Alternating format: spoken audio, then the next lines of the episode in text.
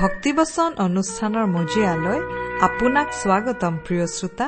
আজিৰে পবিত্ৰ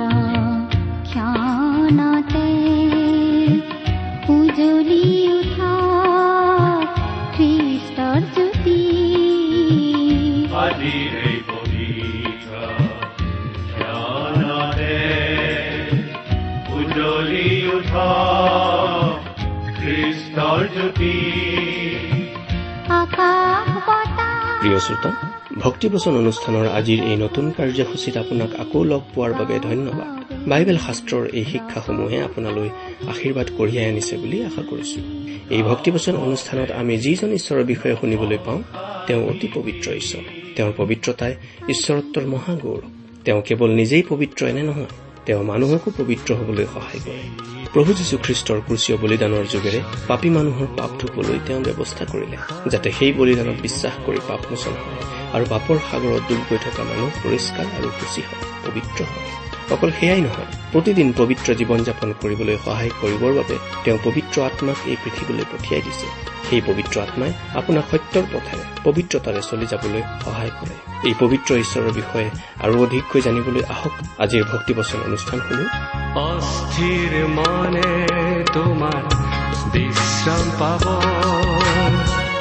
ভাৰাক্ৰান্ত জনে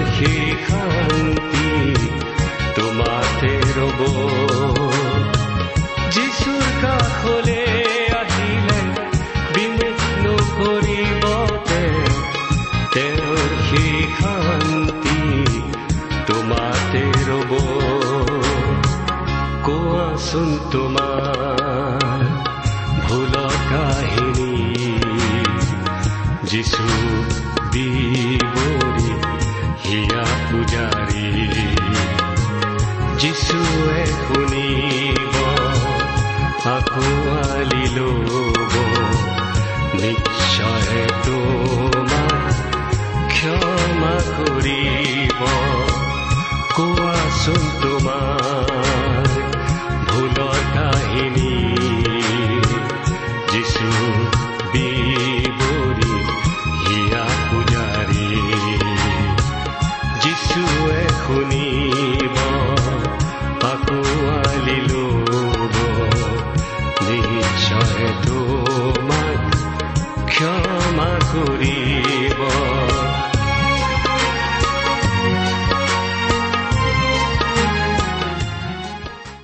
আমাৰ পৰম পবিত্ৰ প্ৰভু যীশুখ্ৰীষ্টৰ নামত নমস্কাৰ প্ৰিয় শ্ৰোতা।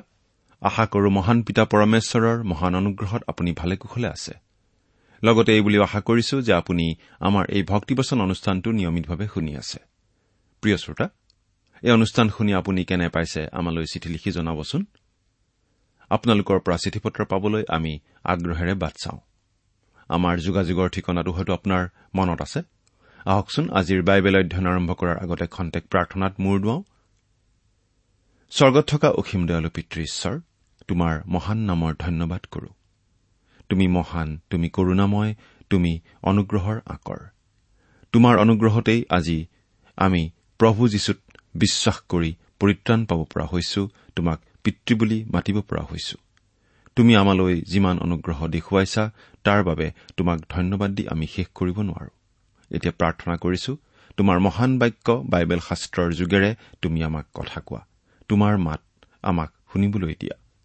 কিয়নো এই প্ৰাৰ্থনা আমাৰ মহান ত্ৰাণকৰ্তা প্ৰভু যীশুখ্ৰীষ্টৰ নামত আগবঢ়াইছো।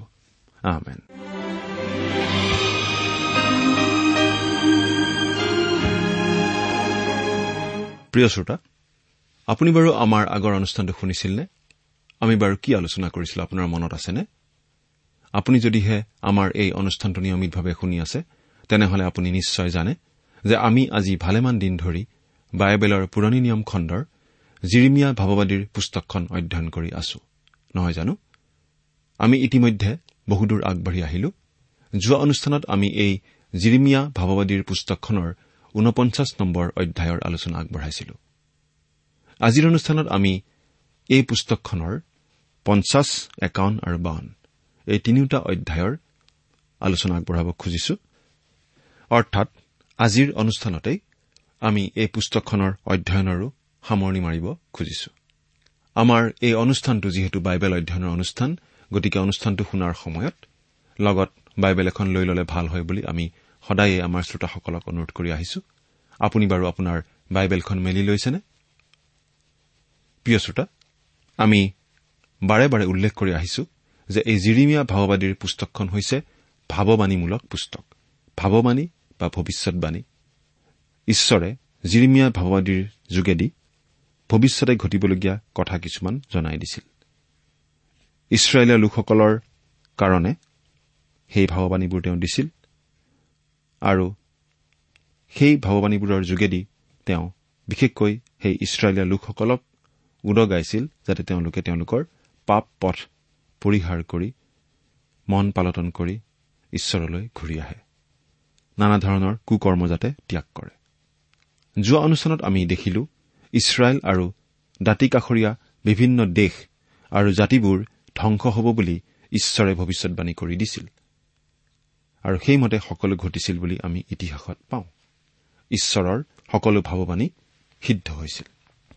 এতিয়া সকলোৰে ধ্বংসৰ পাছত ঈশ্বৰে বাবিলৰ বিৰুদ্ধেও দীঘলীয়া বাণীৰে ভাৱবাণী দিছে। এই ভাৱবাণীখিনি আমি জিৰিমিয়া পঞ্চাছ আৰু একাৱন্ন নম্বৰ অধ্যায়ত পঢ়িবলৈ পাওঁ। এই ভাৱবাণীখিনি লিখাৰ সময়ছোৱাত এনে লাগিছিল যেন বাবিল যুগে যুগে বৰ্তি থাকিব আৰু ইছৰাইল পৃথিৱীৰ বুকুৰ পৰা নিশ্চিন্ন হৈ যাব। কিয় বাৰু? কাৰণ যি সময়ত এই ভাৱবাণীখিনি দিয়া হৈছিল বা লিখা হৈছিল। সেই সময়ত বাবিল আছিল গোটেই পৃথিৱীৰ ভিতৰতেই ডাঙৰ এখন সাম্ৰাজ্য বিশ্বশক্তি আৰু ইছৰাইল তেতিয়া আছিল সেই বাবিলত দাসত্ব খাটি থকা এটা জাতি। সেই বাবিল জাতি যে পৃথিৱীৰ পৰা কেতিয়াবা নিশ্চিন্ন হবলগীয়া অৱস্থা হ'ব বা সেই বাবিল জাতিৰ ওপৰলৈও যে ঈশ্বৰৰ অভিশাপ আহিব সেই কথা মানুহে তেতিয়া কল্পনা কৰিব পৰা নাছিল। আৰু ইছৰাইল জাতিৰ অৱস্থা যে কেতিয়াবা ভাল হ'ব সেইটো নিশ্চয় মানুহে কল্পনা কৰিব পৰা নাছিল। কিন্তু সেই পৰিস্থিতিটো সেই অৱস্থাটো ঈশ্বৰে কৈছিল যে বাবিল ধ্বংস হ'ব। কিন্তু ইছৰাইল জাতি সদাকাললৈকে থাকিব।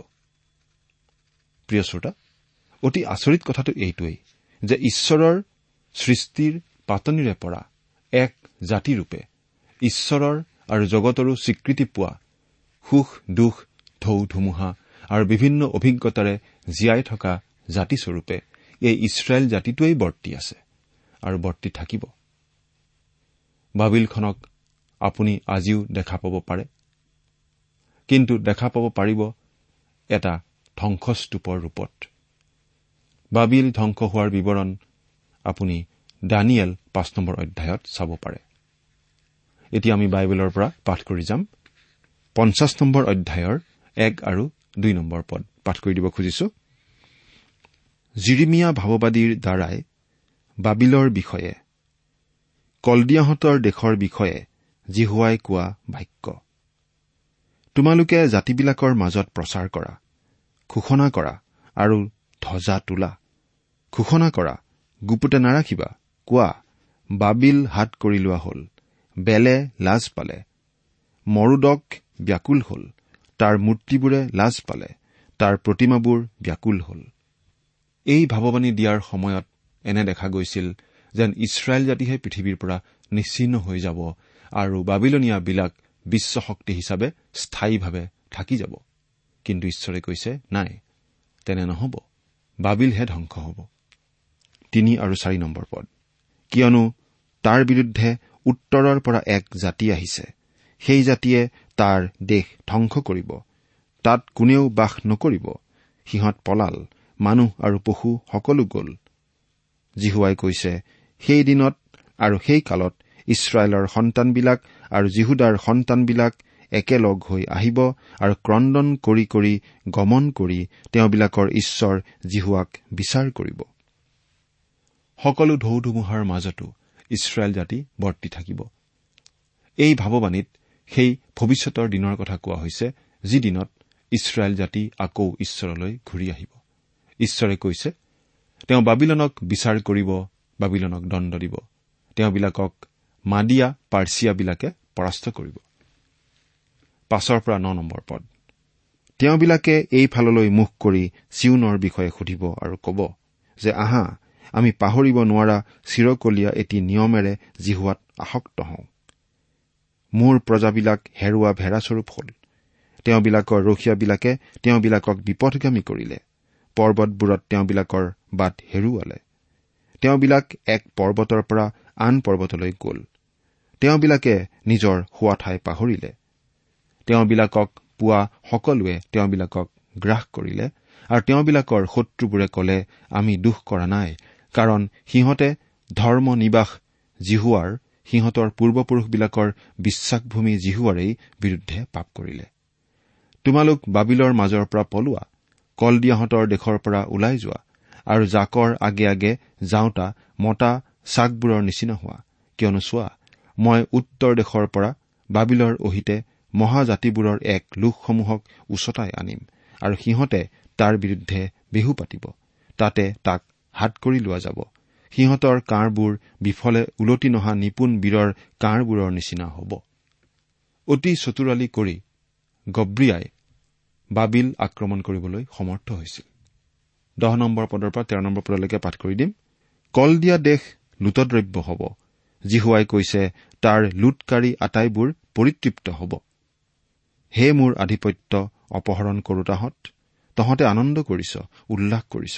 শস্য মাৰোতা এজনী চেউৰী গৰুৰ নিচিনাকৈ দেও দিছ আৰু বলি ঘোঁৰাৰ নিচিনাকৈ ঢেক ঢেকাইছ। এতেকে তহঁতৰ মাৰে অত্যন্ত লাজ পাব। তহঁতৰ জননী ব্যাকুল হ'ব। দেশ তাই জাতিবিলাকৰ মাজত সকলোতকৈ পাছ হ'ব অৰণ্য শুকান ভূমি আৰু মৰুভূমি হ'ব। জিহুৱাৰ ক্ৰোধৰ কাৰণে সেই দেশ বসতি স্থান নহব কিন্তু সম্পূৰ্ণ উচ্ছন্ন ঠাই হ'ব। বাবিলৰ ওচৰেদি যোৱা প্ৰতিজনে আচৰিত হৈ তালৈ ঘটা আটাই উৎপাত দেখি ইচ ইচ কৰিব। এই ভাৱবাণী যে আখৰে আখৰে ফলিয়াইছে সেই কথাত অলপো সন্দেহ নাথাকে যদিহে আমি আজি সেই ঠাই ভ্ৰমণ কৰোগৈ। চৈধ্যৰ পৰা ওঠৰ নম্বৰ পদ। ধনু ভিৰাওঁতা তোমালোক আটাইয়ে বাবিলৰ অহিতে চাৰিওফালে বেহু পাতা। তোমালোকে তালৈ কাঁড় মাৰা? এটি কাঁড়ো বাকী নাৰাখিবা। কিয়নো সি জিহুৱাৰ বিৰুদ্ধে পাপ কৰিলে। চাৰিওফালে তাৰ বিৰুদ্ধে জয়ধ্বনি কৰা। সি হাতজোৰ কৰিছে। তাৰ কোঠবোৰ পৰি গ'ল। তাৰ গড়বোৰ ভাঙি পেলোৱা হ'ল। কিয়নো এইয়ে জিহুৱাই সদা প্ৰতিকাৰ। তোমালোকে তাৰ প্ৰতিকাৰ সাধা। সি কৰা নিচিনাকৈ তাক কৰা। বাবিলৰ পৰা কঠীয়া সিঁচোতাক আৰু শস্যৰ সময়ত কাঁচি ধৰোতাক উচ্ছন্ন কৰা। সংহাৰক তৰোৱালৰ ভয়ত সিহঁত প্ৰতিজনে নিজ নিজ জাতিলৈ মুখ কৰিব আৰু প্ৰতিজনে নিজ নিজ দেশলৈ পলাই যাব। ইছৰাইল ছিন্ন ভিন্ন মেৰস্বৰূপ সিংহবোৰে তাক খেদি দিলে। প্ৰথমে অচুৰৰ ৰজাই তাক গ্ৰাস কৰিলে আৰু শেষত বাবিলৰ ৰজা এই নবুখত নেচৰে তাৰ হাড়বোৰ ভাঙিলে। এই হেতুকে ইছৰাইলৰ ঈশ্বৰ বাহিনীবিলাকৰ জিহুৱাই এই কথা কৈছে চোৱা মই অচুৰৰ ৰজাক দণ্ড দিয়াৰ নিচিনাকৈ বাবিলৰ ৰজাক আৰু তেওঁৰ দেশকো দণ্ড দিম।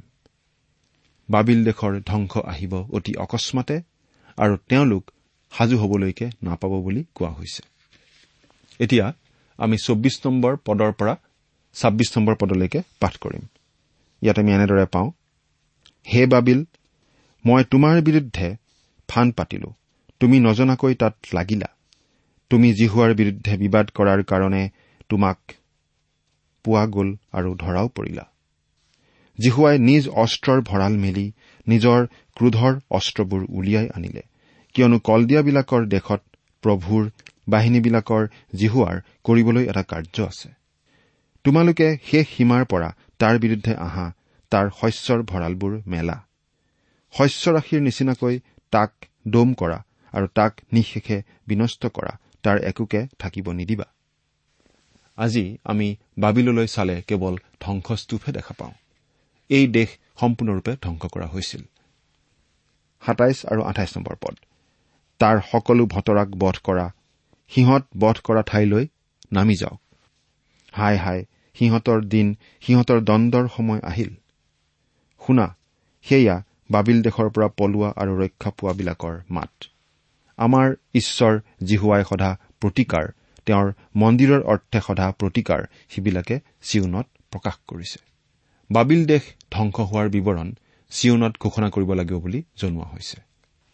আঠত্ৰিশৰ পৰা একেবাৰে চল্লিছ নম্বৰ পদলৈকে পাঠ কৰি দিম। তাৰ জলসমূহৰ ওপৰত খৰ আছে আৰু সেইবোৰ শুকাব। কিয়নো সেয়ে কটা প্ৰতিমাৰ দেশ আৰু তাৰ লোকবিলাক মূৰ্তিত বলিয়া। এই নিমিত্তে অৰণ্যৰ বনৰীয়া জন্তুবোৰে ৰাং কুকুৰবোৰে সৈতে তাত বাস কৰিব। আৰু উট চৰাইবোৰে তাত বাস কৰিব। আৰু সেয়ে চিৰকালৰ নিমিত্তে আৰু বাসস্থান নহব। বা পুৰুষানুক্ৰমে কোনেও তাত বাস নকৰিব। জিহুৱাই কৈছে ঈশ্বৰে চদুম ঘমোৰা আৰু তাৰ ওচৰত থকা নগৰবোৰ ধ্বংস কৰা সময়ৰ নিচিনাকৈ কোনো মানুহে সেই ঠাইত বাস নকৰিব। আৰু কোনো মনুষ্য সন্তানে তাৰ মাজত প্ৰবাস নকৰিব। বাবিল দেশৰ ধ্বংসৰ ঘটনাটো চদুম আৰু ঘমোৰাৰ ধ্বংস হোৱা ঘটনাৰ লগত তুলনা কৰা হৈছে। একচল্লিছ আৰু বিৰাল্লিছ নম্বৰ পদ। চোৱা উত্তৰৰ পৰা এক জাতি আহিছে পৃথিৱীৰ অন্তভাগৰ পৰা এক মহাজাতি আৰু অনেক ৰজা উত্তেজিত হৈছে। সিহঁতে ধনু আৰু বৰচা ধৰে। সিহঁত নিষ্ঠুৰ আৰু দয়াহীন। সিহঁতৰ শব্দ সমুদ্ৰৰ গৰ্জনৰ নিচিনা আৰু সিহঁত ঘোঁৰাত উঠে। হে বাবিল জীয়াৰী তোমাৰ বিৰুদ্ধে সিহঁত প্ৰতিজনে যোদ্ধাৰো নিচিনাকৈ সাজু হৈ আছে। মাদিয়া সেনাপতি গব্ৰিয়াই সেই বাবিল নগৰত প্ৰৱেশ কৰি আক্ৰমণ কৰোতে ঠিক এইদৰেই ঘটিছিল। মুঠতে বাবিলৰ বিৰুদ্ধে ঈশ্বৰে যি ভাৱবাণী জনাই দিছিল সেই ভাৱবাণী সিদ্ধ হৈছিল। ইয়াৰ পাছত আমি একাৱন্ন নম্বৰ অধ্যায়ত পাওঁ বাবিল কেনেকৈ ধ্বংস হ'ব সেই কথা। মাদিয়া পাৰ্চীবিলাকে ইয়াক অকস্মাতে আক্ৰমণ কৰিব আৰু ধ্বংস কৰিব। আৰু বাস্তৱিকতেই সেই ভাৱবাণীৰ নিচিনাকৈয়ে বাবিল ধ্বংস হৈছিল। আমি কেইটামান পদ পাঠ কৰি দিব খুজিছো। একাৱন্ন নম্বৰ অধ্যায়ৰ একৰ পৰা আঠ নম্বৰ পদলৈকে প্ৰথমতে আমি পাঠ কৰিম। জিহুৱাই এই কথা কৈছে চোৱা মই বাবিলৰ আৰু লেব কাময় নিবাসীবিলাকৰ বিৰুদ্ধে এক বিনাশক বতাহ বলোৱাম। আৰু মই বাবিললৈ বিদেশীবোৰক পঠাম। সিহঁতে তাক জাৰিব আৰু তাৰ দেশ শূন্য কৰিব। কিয়নো সংকটৰ দিনা সিহঁত চাৰিওফালে তাৰ বিৰুদ্ধী হ'ব। ধনুৰ্ধৰে নিজ ধনু নিভিৰাওক আৰু কবচ পিন্ধি অহংকাৰ নকৰক। তোমালোকে তাৰ ডেকা মানুহবিলাকক দয়া নকৰিবা তাৰ সকলো সৈন্যক নিঃশেষে বিনষ্ট নকৰিবা। সিহঁতে কল দিয়াবিলাকৰ দেশত হত হৈ আৰু তাৰ আলিত খোজ খাই পৰি থাকিব। কিয়নো যদিও ইছৰাইল কি জিহুদা দেশ ইছৰাইলৰ পবিত্ৰজনাৰ বিৰুদ্ধে দুখেৰে ভৰা তথাপি বাহিনীবিলাকৰ ঈশ্বৰ জিহুৱাৰ দ্বাৰাই সি পৰিত্যক্ত হোৱা নাই। তোমালোক বাবিলৰ মাজৰ পৰা পলোৱা আৰু প্ৰতিজনে নিজ নিজ প্ৰাণ ৰক্ষা কৰা। তাৰ দুখত বিনষ্ট নহবা কিয়নো এয়ে জিহুৱাই সদা প্ৰতিকাৰৰ সময়। তেওঁ তাক প্ৰতিফল দিব। বাবিল সমস্ত পৃথিৱীক মতলীয়া কৰা জিহুৱাৰ হাতত থকা সোণৰ এক পাণপাত্ৰ জাতিবিলাকে তাৰ দ্ৰাক্ষাৰস পাণ কৰিলে। সেই নিমিত্তে জাতিবিলাক পগলা হল। বাবিল অকস্মাত পতিত হৈ বিনষ্ট হল। তোমালোকে তাৰ নিমিত্তে হাহাকাৰ কৰা। তাৰ বেদনাৰ নিমিত্তে সুস্থজনক গছৰ ৰস লোৱা। কিজানি সি সুস্থ হ'ব পাৰে? তাৰপিছত আমি পাঠ কৰি দিম পঁচিছ আৰু ছাব্বিছ নম্বৰ পদ। জিহুৱাই কৈছে হে সমস্ত পৃথিৱী বিনষ্ট কৰোতা বিনাশক পৰ্বত মই তোমাৰ বিপক্ষ। মই তোমাৰ ওপৰলৈ মোৰ হাত মেলি শিলবোৰৰ পৰা তোমাক বগৰাম আৰু তোমাক জ্বলি যোৱা পৰ্বত কৰিম। চুকৰ বা ভিত্তিমূলৰ নিমিত্তে কোনো মানুহে তোমাৰ পৰা এটি শিলো নলব। কিন্তু জিহুৱাই কৈছে তুমি চিৰকলীয়া ধ্বংসস্থান হবা। ছয়ত্ৰিশ আৰু সাতত্ৰিশ এই পদ দুটা পাঠ কৰি দিম। এই হেতুকে জিহুৱাই এই কথা কৈছে চোৱা মই তোমাৰ অভিযোগ প্ৰতিবাদ কৰিম আৰু তোমাৰ নিমিত্তে প্ৰতিকাৰ সাধিম। মই তাৰ সমুদ্ৰ জলশূন্য কৰিম আৰু তাৰ ভুমুক শুকুৱাম। আৰু বাবিল ভগ্ন ৰাখি শিয়ালৰ বাসস্থান আচৰিত আৰু ইছ ঈশ্বৰ বিষয় আৰু নিবাসী শূন্য হ'ব।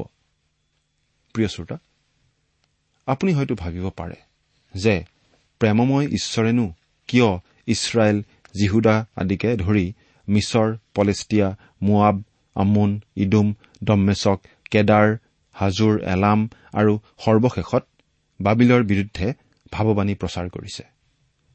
জাতিবিলাকৰ এনেকুৱা ধ্বংসপ্ৰাপ্ত হোৱা অৱস্থা দেখি ঈশ্বৰনো কিয় সন্তুষ্ট হয়? প্ৰিয় শ্ৰোতা কোনো জাতি ধ্বংস হোৱা দেখি ঈশ্বৰ আচলতে সন্তুষ্ট নহয়। বৰং জাতিবিলাক ধ্বংস নহবলৈ পাপ পথৰ পৰা যেন তেওঁলোক ঘূৰে ঈশ্বৰৰ সান্নিধ্যত থাকি জীৱন যাতে তেওঁলোকে লাভ কৰে তাৰ বাবে মানুহ জাতিক ঈশ্বৰে কিমান আহান জনায়? কিন্তু মানুহে ঈশ্বৰৰ সেই মৰমৰ আহানলৈ কাণসাৰ নকৰে। তেনেস্থলত আচলতে দায়ী কোন?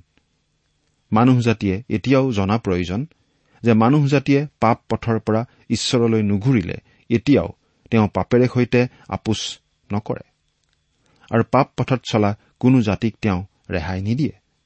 মানুহে ঈশ্বৰৰ বিৰোধিতা কৰি থাকিব আৰু সেই মানুহকেই ঈশ্বৰে প্ৰেম কৰি থাকিব লাগে সেয়া কেনে কথা? মানুহ ঈশ্বৰৰ অধীন নে ঈশ্বৰ মানুহৰ অধীন? মানুহৰ স্বাৰ্থপৰতাৰ নিশ্চয় এটা সীমা আছে। সীমা চেৰাই যোৱা মানুহৰ বাবে ধ্বংসই যথোপযুক্ত প্ৰাপ্য। সৰ্বশেষত আমি বাৱন্ন নম্বৰ অধ্যায়ত পাওঁ জিৰচালেমৰ বিষয়ে যি ভাৱবাণী দিয়া হৈছিল সেই ভাৱবাণী সিদ্ধ হৈছে। আমি বাৱন্ন নম্বৰ অধ্যায়ৰ পৰা পঢ়ি দিম। চিডিকিয়াই একৈশ বছৰ বয়সত ৰজা হৈ জিৰচালেমত এঘাৰ বছৰ ৰাজত্ব কৰিলে। তেওঁৰ মাকৰ নাম লিবনা নিবাসী জিৰিমিয়াৰ জীয়েক হমতল। জিহুৱাকিমৰ সকলো কাৰ্য অনুসাৰে তেওঁ জিহুৱাৰ সাক্ষাতে কু আচৰণ কৰিলে। কিয়নো জিৰচালেম আৰু জিহুদাৰ লোকবিলাকক জিহুৱাই নিজৰ আগৰ পৰা দূৰ নকৰিলে মানে তেওঁৰ ক্ৰোধৰ কাৰণে তেওঁবিলাকলৈ দুৰ্ঘটনা ঘটিল। আৰু চিডিকিয়াই বাবিলৰ বিৰুদ্ধে বিদ্ৰোহ আচৰণ কৰিলে।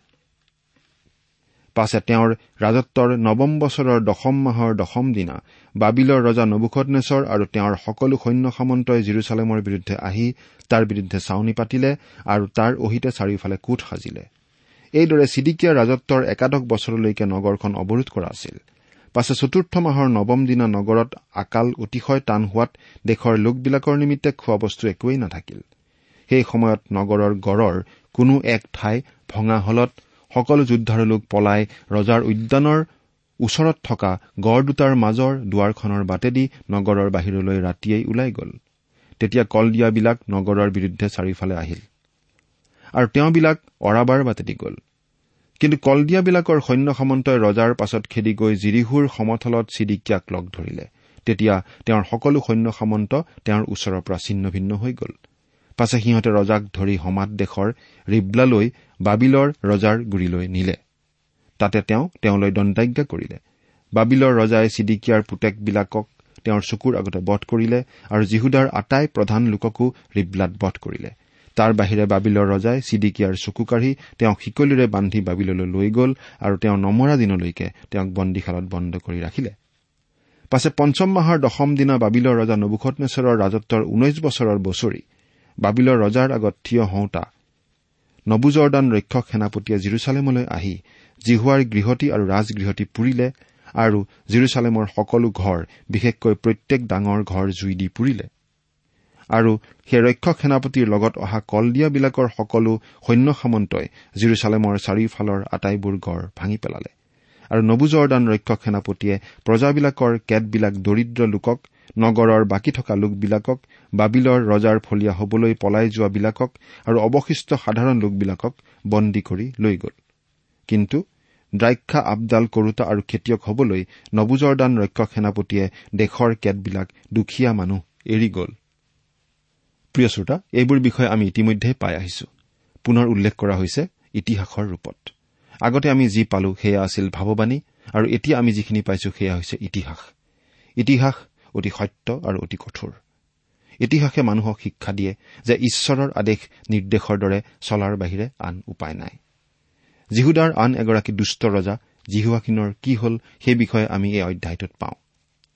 জিহুৱাখিনক বন্দী কৰি বাবিললৈ লৈ যোৱা হৈছিল আৰু তাতেই তেওঁৰ মৃত্যু হৈছিল আৰু চলোমনৰ যোগেদি অহা ডায়ুদৰ বংশৰ তাতেই সমাপ্তি ঘটিছিল। চলোমনৰ ধাৰাৰ ৰাজশাসকৰ সমাপ্তি ঘটাৰ পাছত ডায়ুদৰ বংশৰ যিজন ব্যক্তি অনন্তকাললৈকে ৰাজ শাসন কৰিব সেইজন নাথনৰ ধাৰাৰে এই পৃথিৱীলৈ আহিল আৰু মৰিয়ম আছিল সেই ধাৰাৰ। এই কুমাৰী মৰিয়মৰ পৰাই পবিত্ৰ আত্মাৰ শক্তিৰে অনন্তকালৰো ৰজা ৰজাৰো ৰজা প্ৰভুৰো প্ৰভু যীশুখ্ৰীষ্টৰ জন্ম হৈছিল। তেওঁই অনন্তকালৰ ৰজা তেওঁই অনন্তকালৰ প্ৰভু। জগতৰ মানুহে যেন তেওঁক জানে বিশ্বাস কৰে আৰু পৰিত্ৰাণ গ্ৰহণ কৰে তাকেই তেওঁ ইচ্ছা কৰে। আপুনি তেওঁক জানেনে প্ৰিয় শ্ৰোতা? ঈশ্বৰে আপোনাক আশীৰ্বাদ কৰক। আমেন।